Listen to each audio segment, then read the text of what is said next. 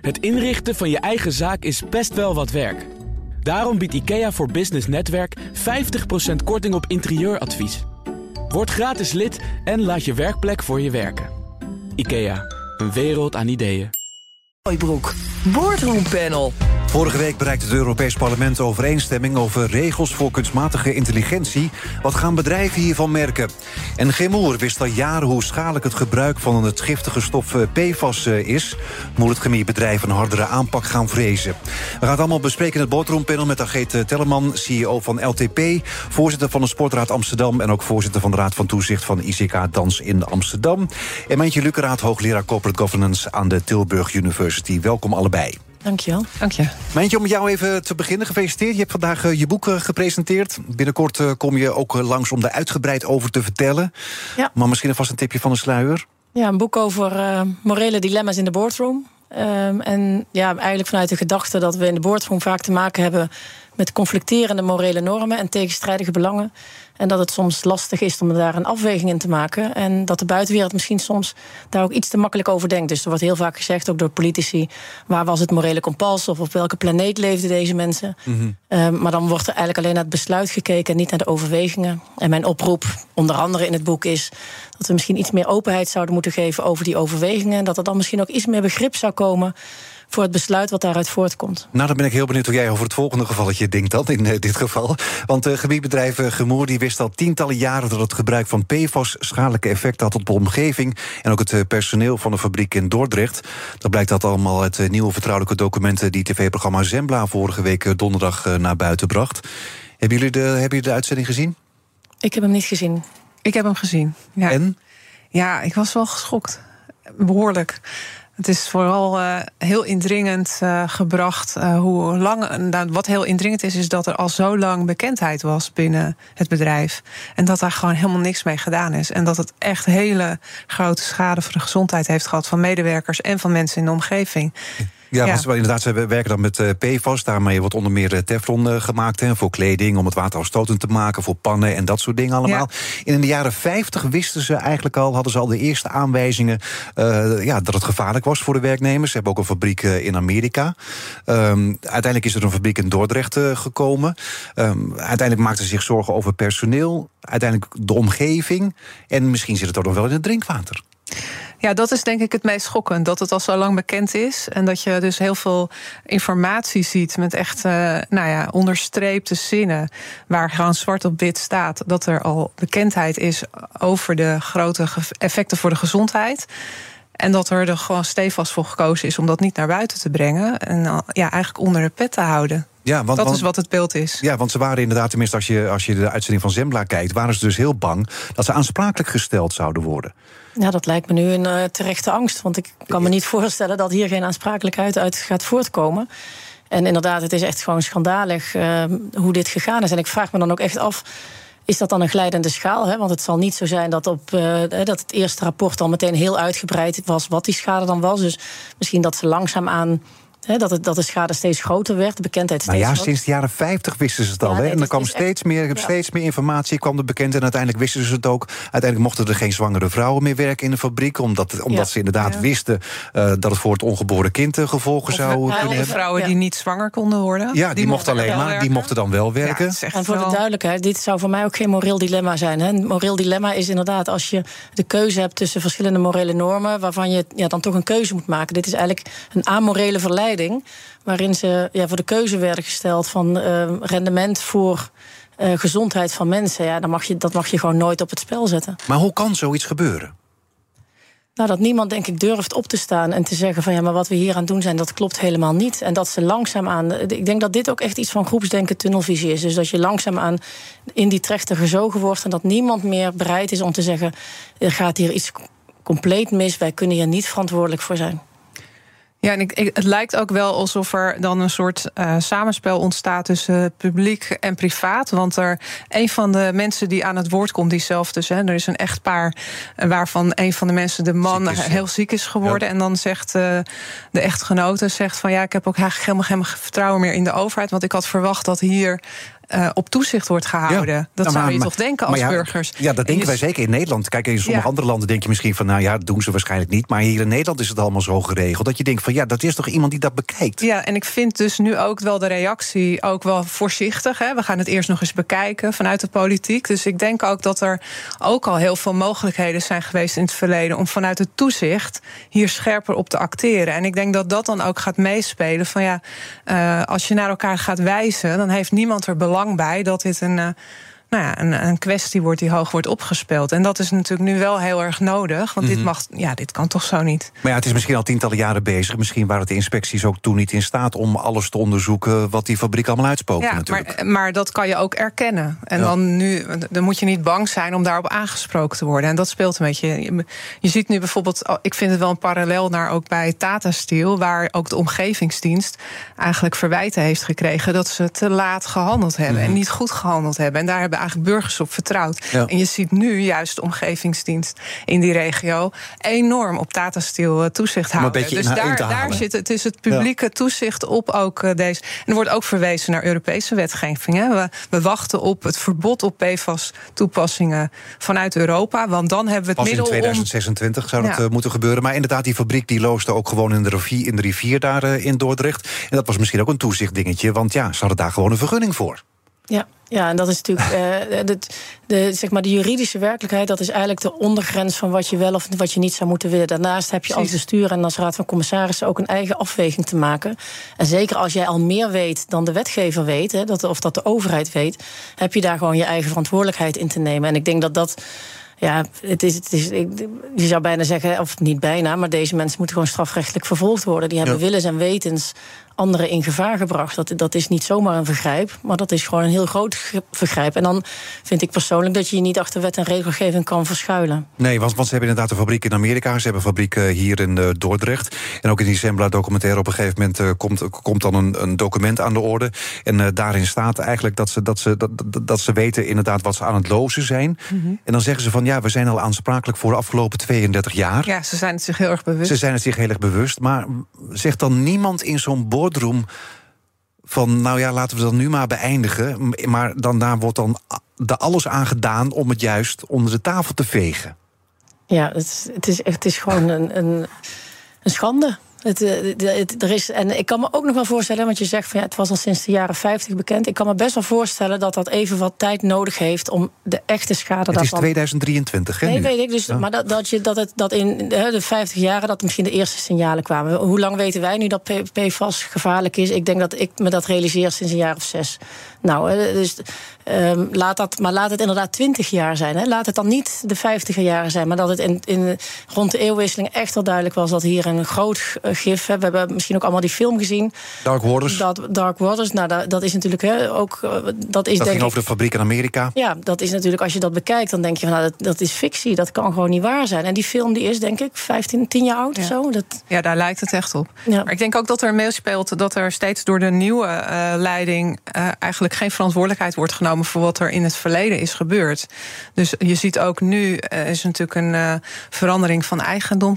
Hè? Dus het, is, ja, het, het was Dupont, het, het, is nu geen, geen Moers. Ja, dus dan is er eigenlijk ook een juridische reden om te zeggen... ja, maar dat hoort bij het verleden. Nu een ander bedrijf, voor ons geldt dat niet. Maar is het ook een slimme zet inderdaad? Want Dupont is, ja, is, dus toen, van niet. is toen afgesplitst in uh, Gemoer. En ja, de, de, topvrouw die zei ook onlangs nog tegen de FD... ja, de past is de past. Ik bedoel, de, ja, dat, dat, Dupont is daarvoor verantwoordelijk voor. En wat wij nu met Gemoer doen... ja, wij doen nu niks verkeerd nu. Ja, maar dat is prima als ze dat zou zeggen. Als ze daarmee vervolgens meteen erkent dat het absoluut fout is wat daar gebeurd is. Ja, en dat zal, dat zal zeker uh, ook wel uh, ingefluisterd zijn door angst voor aansprakelijkheid. Want op het moment dat je erkent dat er iets fout is gegaan, ja, dan uh, wordt dat natuurlijk ook wel weer gebruikt. Maar ook dat is geen excuus als je zoiets um, schandaligs op je geweten hebt, zeg maar, als bedrijf, dan moet je daar ook als topman of als topvrouw. Het is ook geen makkelijke baan om in de top te zitten. Maar daar ben je voor benoemd. Ah, maar, zeker niet voor zo'n bedrijf. Nee, maar daar ben je voor benoemd. Dan moet je die baan gewoon niet aannemen. Als je dat soort afleggen van verantwoording niet aan kan, moet je het gewoon niet doen. Maar wat zouden ze dan nu moeten doen? Verantwoording afleggen? Als je de vlucht naar voren neemt, van ja, dit hoort bij het verleden, dan, dan maak je eigenlijk niet geloofwaardig. Dan maak je geen gesprekpartner hierop. En dan zul je alleen maar negatieve reacties krijgen. Dus ik denk de enige manier om hieruit te komen is toch ja, wel eigenlijk wat Mijntje zegt: dat je ook verantwoordelijkheid neemt voor het verleden. Uh, en dan is nog de vraag in hoeverre er nu geen sprake meer is. Hè. Maar als het alleen in het verleden was ja, dan denk ik toch dat je daar wel verantwoordelijkheid voor moet nemen. Omdat het echt over hele grote gezondheidsschade gaat. Ja, nou ja, ze zijn uitgenodigd eh, voor een hoorzitting in de Tweede Kamer. Maar ja, ze zijn niet verplicht eh, om eh, te komen. Zouden ze wel moeten komen dan? Ja, dat vind ik dus echt wel twijfelachtig. Je zou zeggen, het is altijd goed om het gesprek aan te gaan. Het is altijd goed om transparant te zijn. Maar dan moet je er ook wel op aanspreekbaar willen zijn. Als je alleen maar zegt, ja, dat was in het verleden... en nu is er geen sprake meer van. Of naar anderen gaat verwijzen van... ja, we zijn er ook voor afhankelijk, hè, voor de energietransitie. Dat soort argumenten worden gegeven. Ja, dan krijg je hem denk ik alleen maar hard over je heen. Je moet er wel echt gespreks, gesprekspartner in willen zijn, denk ik. Ja, het is ook niet echt goed voor het imago van bedrijfsleven. Hè. Ik zat ook gisteren, toen ik, uh, toen ik die uitzending keek... zat ik ook te denken van, ja, zal dit het enige bedrijf zijn wat uh, er zo mee omgaat? Ik vind overigens wel dat ze ook naar die hoorzitting moeten gaan. Nog even daarop terug te komen. Ik, ik kijk heel vaak die hoorzittingen ook terug. Uh, omdat ik het juist zo interessant vind en ook wel dapper vind. Hè. Bijvoorbeeld, we hadden het in de tijd van de activiteiten in Rusland. Was er ook een hoorzitting. En dan zitten er drie bedrijven die daar gaan uitleggen wat er gebeurd is. Uh, ik vind dat gewoon uh, dapper, helder. Kracht, Iedereen ja. kan het bekijken. Ze laten ook zien inderdaad wat hun dilemma's zijn.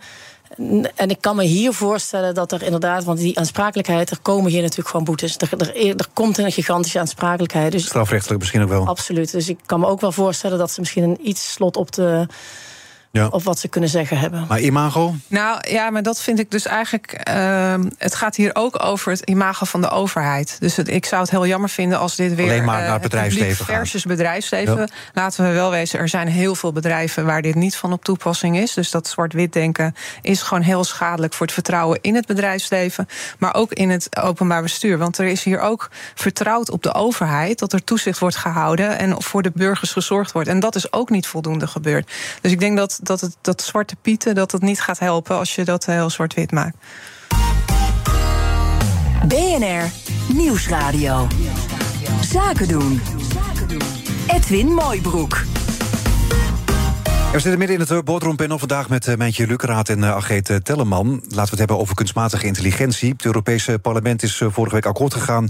met hoe de nieuwe verordening rondom kunstmatige intelligentie eruit zou moeten gaan zien.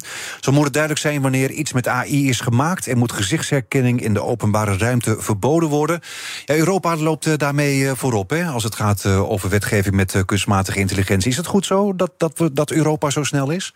Nou, ik denk dat het heel mooi is dat het Europees Parlement een keer wel eh, heel snel iets kan. ik denk dat dat heel positief is. En ik Ze waren denk... er al mee bezig. Ja, leek. precies. Ja. Nou ja, laten we dat dan ook een compliment geven. Ja. Het is heel vaak anders. Ik denk dat het goed is, ja. Ik denk dat uh, je merkt ook, de techno technologische ontwikkelingen gaan zo snel.